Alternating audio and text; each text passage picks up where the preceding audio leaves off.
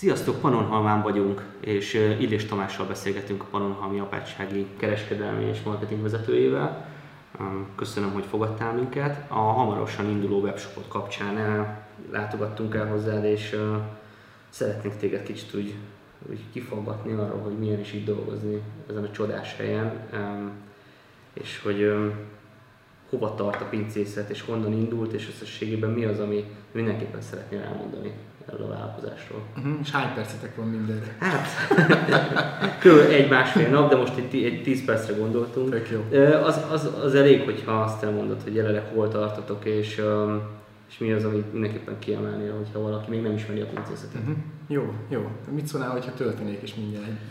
Hát az kiváló lenne. Legalább egy kortyot Igen. mellé. Um, nagyon szépen köszönöm, hogy jöttetek, és nagyon örülök, hogy jöttetek. Um, hosszú a sztorink, azért is kérdeztem egyébként, hogy mennyi időtök van. Nem kezdem Ádámtól, Évától, de azért azt talán lehet mondani, hogy Magyarország egyik legmélyebb történelemmel, vagy legmélyebb gyökerekkel bíró szőlészete és borászata vagyunk, hiszen azért alapvetően 996-tól eredeztethető a, a pincészetnek a, a története.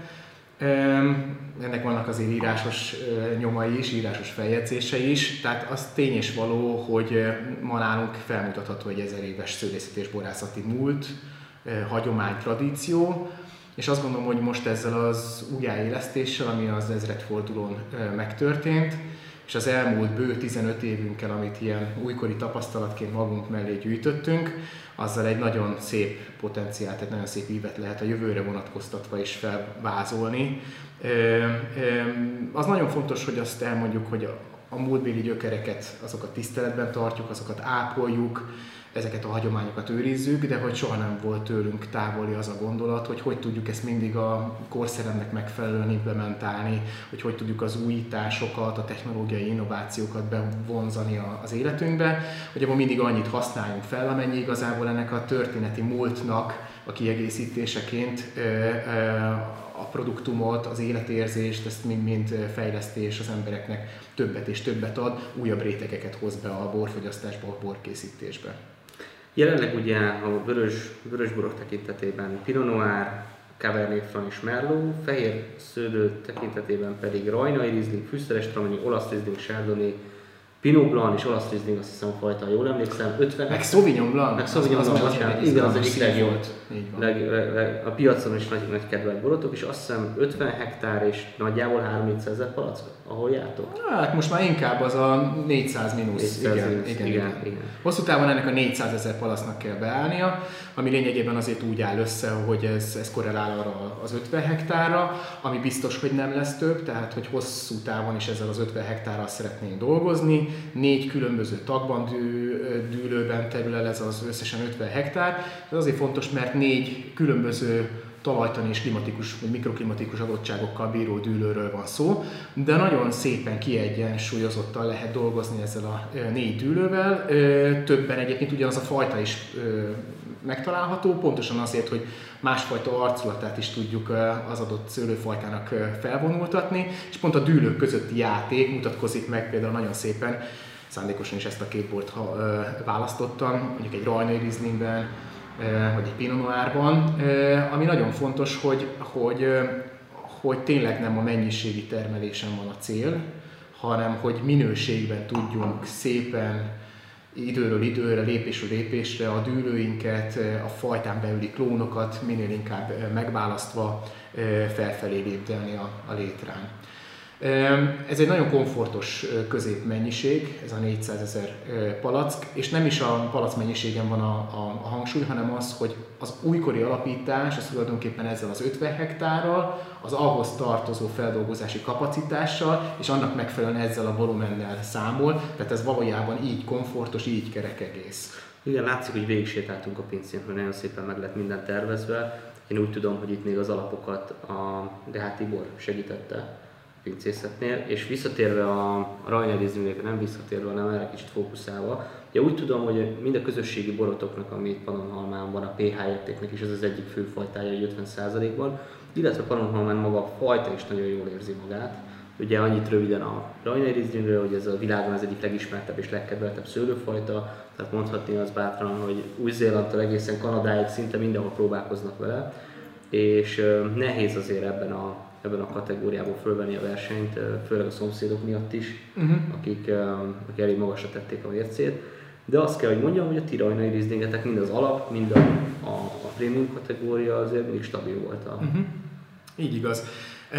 Talán most már borvidéki szinten lehet egyébként azt mondani, hogy Pannonhalmán, a Rajnai Rizlingben mindenki hisz, még az is, akinek nincsen neki szőlőfajtája, vagy nem műveli a Rajnai Rizlinget, de az látszik, hogy borvidéki szinten már tudott bizonyítani, hogy igenis helye van.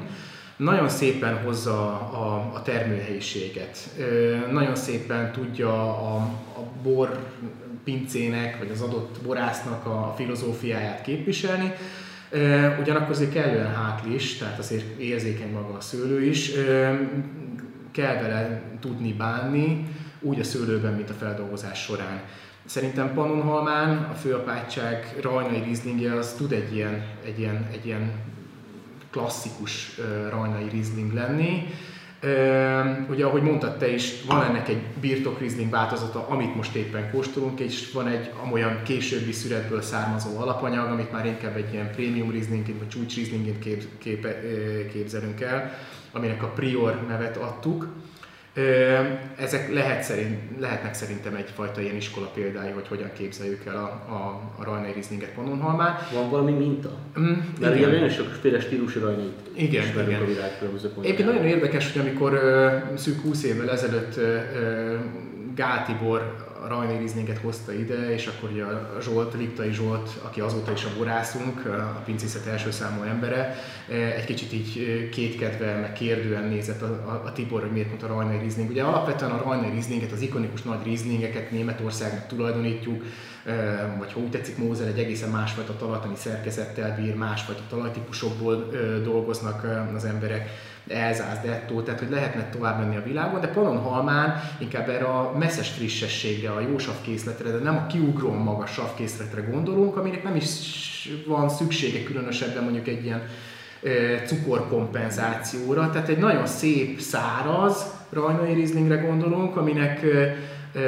virgonc, élénk, nagyon vivíz savkészlete van, de nem kiugróan magas savkészlete. És ez a fajta együttállás, ez egy nagyon szép ilyen mentás, friss hűvösséget tud hozni, jó akácos, fehérvirágos jelleget tud hozni, és megmarad egy ilyen citrusoktól domináns ízképlet a, a szánkban ez mindig akkor érdemes erről beszélni, vagy így beszélni róla, amikor friss a rajnai Riesling, de ugyanakkor egy elég komoly palackévelési potenciál is van e, ezekben a borokban. Reduktív stílusú a vonal, reduktív iskola, de azért komoly palackévelési potenciál, akár 8-10 évet is magában foglal, magában ölel. Én azt gondolom, hogy az élelés majd ad neki újabb és újabb rétegeket, akkor már másfajta aromákról kell beszélni. Nem is fontos fontos alapvetően az aromákba belemerülni, inkább az, hogy van egyfajta ilyen könnyed, jóívású, virgonc, citrusokra hangolt jellegzetessége a Pannonhalmi Rajnai Rieslingnek. Leginkább nemzetközi kitekintésben nekem Pfalz a németországi Pfalz stílusa szokott leginkább előjönni, de nem állunk messze, még földrajzilag sem mondjuk a Wachau-tól, Ausztriában. Én akartam mondani, hogy a kirobbanó gyümölcsösség mellett ott van egy ilyen kis enyhe borsosság, uh-huh, uh-huh. kis fűszer, ami, ami nagyon szép kerekké teszi az egész illatszerkezetet, és a vízben pedig gyümölcsös, friss, jóívású jöhet következő korty. Ez egy nagyon jóívású rajnai. Ez melyik árkategória? Ez a teljesen klasszik e, e, fajtabor. Majd tudunk arról is beszélni, beszélgetni egyébként az elmúlt pár évben. Egy kicsit tisztítottunk a kínálaton, kevesebb fajta bort készítünk, kevesebb típussal foglalkozunk, mint, mint azelőtt.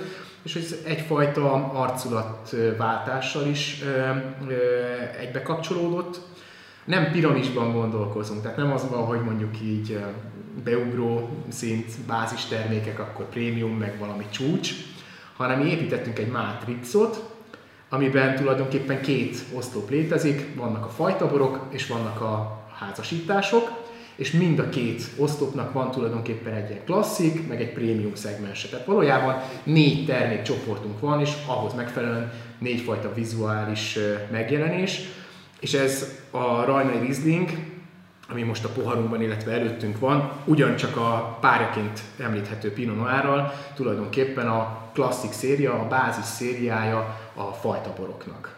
És akkor e fölött van tulajdonképpen egy Rajnai Riesling válogatás, vagy egy Pinot Noir hordó válogatás, ez a Prior fehér és a Prior vörös. Azért bekezdtetek itt két olyan világfajtával, ami, amivel aztán szépen lehet szemezgetni árban is, meg mhm. minőségben is. Eh, hogy fogadta ezt a, akár nem csak magyar, hanem tudom, hogy külföldre is szépen mennyiségben szállítatok a külföldi piac a világfajtaitokat? Én nem szembenállásnak látnám, hanem inkább egy másfajta közelítésnek, amikor arról beszélünk, hogy mondjuk nem Kárpát-medencei fajtáról, nem őshonos autokton fajtáról beszélünk, mondjuk egy rajnai rizling vagy egy pinot esetében, ugyanakkor azt is látni kell, hogy ha bencés történetiségben szőlőbor kapcsán kezdünk el keresgetni, akkor 200-300 évvel ezelőtt is egy Rajnai Riesling az már tradicionálisnak volt tekinthető pannonhalmán, feljegyzések vannak róla, tehát nem egy új keretű történet, én azt gondolom, hogy ez megint csak egy picit a történetiségünkhöz, a történelmünkhöz, a hagyományainkhoz hozzátartozik, és nekünk az a feladatunk, hogy a panonhalmiságot, a panonhalmi termőhelyiséget egy kristálytiszta rajnai rizlingbe, vagy egy jó ivású, de mégis telt, koncentrált, szép cizellált pinonáron keresztül tudjuk megmutatni. Én úgy hiszem egyébként, hogy, hogy ezt szépen sikerült is bizonyítani, és azért merem ezt mondani, mert hogy tényleg nem csak hazánkon belül vált elismert márkává egy pannonhalmi főapátsági rajnai és egy pinó, hanem alapvetően külföldről is nagyon szép visszaigazolásokat kapunk. Én mindig azt mondtam, hogy hogy nekünk az az igazi elismerés, hogyha nem egy jó Pinot Noir a Pinot Noirok között, hanem mondjuk egy igazi pannonhalmi karakterrel rendelkező Pinot Noir, és nincs is annál nagyobb elismerés, hogyha mondjuk Franciaországba lehet belőle exportálni, eh, vagy mondjuk, hogyha a belga Michelin csillagos éttermek ezt poharazzák az egyébként szomszédos Burgundiához képest. Eh, tehát nekünk ezek olyan, olyan piaci visszaigazolások, amelyek azért megerősítenek minket abban, hogy minimum jó úton járunk. Hogy értétek el ezt a, ezt a pozíciót? Utaztatok sokat, külföldi vásárokon vettetek részt, megkörnyékeztetek kereskedőket?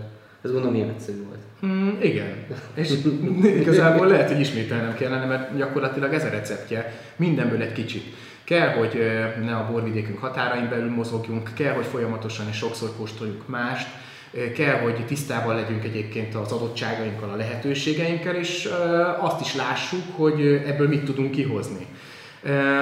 Nem lehet burgundiát klónozni, meg nem is szeretnénk burgundiát klónozni, burgundi klónokkal viszont dolgozunk nem tudunk mondjuk Oregon lenni, nem is szeretnénk Oregon lenni, de új világi technológiákat a pincében szívesen alkalmazunk. És ebből a fajta együttállásból meg ezeknek a lehetőségeknek a, a, a kapcsolásából kialakulhat egy olyan stílus, ami, ami már egy idő után, amikor koherensen évjárati különbségeket megmutatva ugyan, de egyfajta stílus képében rajzolódik ki a fogyasztók meg a szakma számára, akkor azt lehet mondani, hogy ez egy tudatos építkezés, amivel egyfajta márkát, a stílust, a fajtára hangolt világot próbáljuk meg a saját képünkre formálni.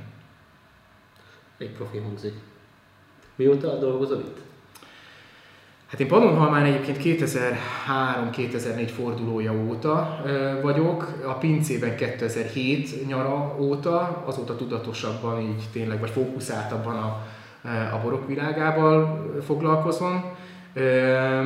De azt gondolom, hogy ez nem lehet, hogy is mondjam, csak egy munkaként említeni, tehát az ember amikor hazamegy, akkor otthon is egy picit a borban él, a borral foglalkozik, akkor megpróbál egy hobbi szinten kóstolni, és amikor úgy utazgatsz, amikor világot látsz, akkor is kikapcsolódás jelleggel is az ember nem tud elrugaszkodni a bortól, akkor Igen. keresi a borvidékeket, keresi a borászokat, keresi a borászati kapcsolatokat, és próbálja így tágítani ezért a látómezejét. Vannak azok a mémek, tudod, amikor így azt mondják, hogy hogy látnak minket a szüleink, a rokonaink, meg a barátaink, meg hogy hogy látom én magam. Tehát összességében, aki borral foglalkozik, arról azt gondolják, hogy mindig bort iszik, mm-hmm. meg mhm. mindig mindig, mindig borozik és sokat iszik, de alapvetően mi nem iszunk sokat, hanem pont ez, hogy sajnos most is vezetek, tehát ezt ki kell köpnöm, mert még a jelenlegi jogszabályok nem engedik meg, hogy beverjek két-három pohárral vezetés előtt, de, de otthon is mi szerintem azok közé tartozunk, akik figyelünk arra, mit bontunk, uh-huh. és mit teszünk az asztalra, és, um, és ugye az egész Magyar Vortison kampány erről szól, hogy megismertessük a, a kedves fogyasztókkal azt, hogy milyen táblatok vannak a magyar borkészítésben, és hogy érdemes kóstolni nyilván egy moderált alkoholfogyasztás, moderált alkoholfogyasztásra odafigyelve. És, és hogyha már itt tartunk, akkor a heminámat én is meginnám ma, de... Helyes, egyébként pont ez jutott eszembe, miközben erről beszélsz, hogy ezért ez egy nagyon nagy bölcsesség és egy, egy óriás keresztény erény, amikor a mértékletességről beszélsz, és nekünk az ugye azért megvan a tanmesénk, ha úgy tetszik. Van is ilyen borunk, amit így neveztünk el, Hemina, vagy egy fehér bor, vagy egy vörös bor is, amit Hemina névre kereszteltünk, de ugye ez már házasítás. Házasítás, aminek a prémium szegmensét képvisel egyébként ez a duó. A név viszont 1500 éves nagyságrendileg, a 6. század elején Szent Benedek volt, aki a nyugati szerzetesség atya, a Bencés szerzetes közösség alapítója, és ő volt az, aki a regulájában, egyfajta szabálykönyvben azokat az alapelveket, vagy iránymutatásokat megfogalmazta, amelyeket követnek ma is a közösségben élő bencés szerzetesek. Egyébként olyan rugalmassággal fogalmazta meg ezeket a szabályokat, hogy így 1500 év múltán is, itt Pannonhalmán, meg bármelyik bencés rendházban a közösségi életet lehet ezek szerint alakítani, és hát Benedek megpróbált azért az élet minden területére kitérni, így a fogyasztás mértékéről is szól, és hát úgy írja a regulájában, hogy kinek-kinek saját ajándéka van Istentől, az egyiknek így, a másiknak meg amúgy, Éppen ezért némi többrendéssel rendelkezünk mások fogyasztásának mértékéről, de ha tekintetbe vesszük a leggyöngébbek erőtlenségét, rendelkezünk úgy, hogy legyen elegendő minden egyesnek napjában egy hemina bor.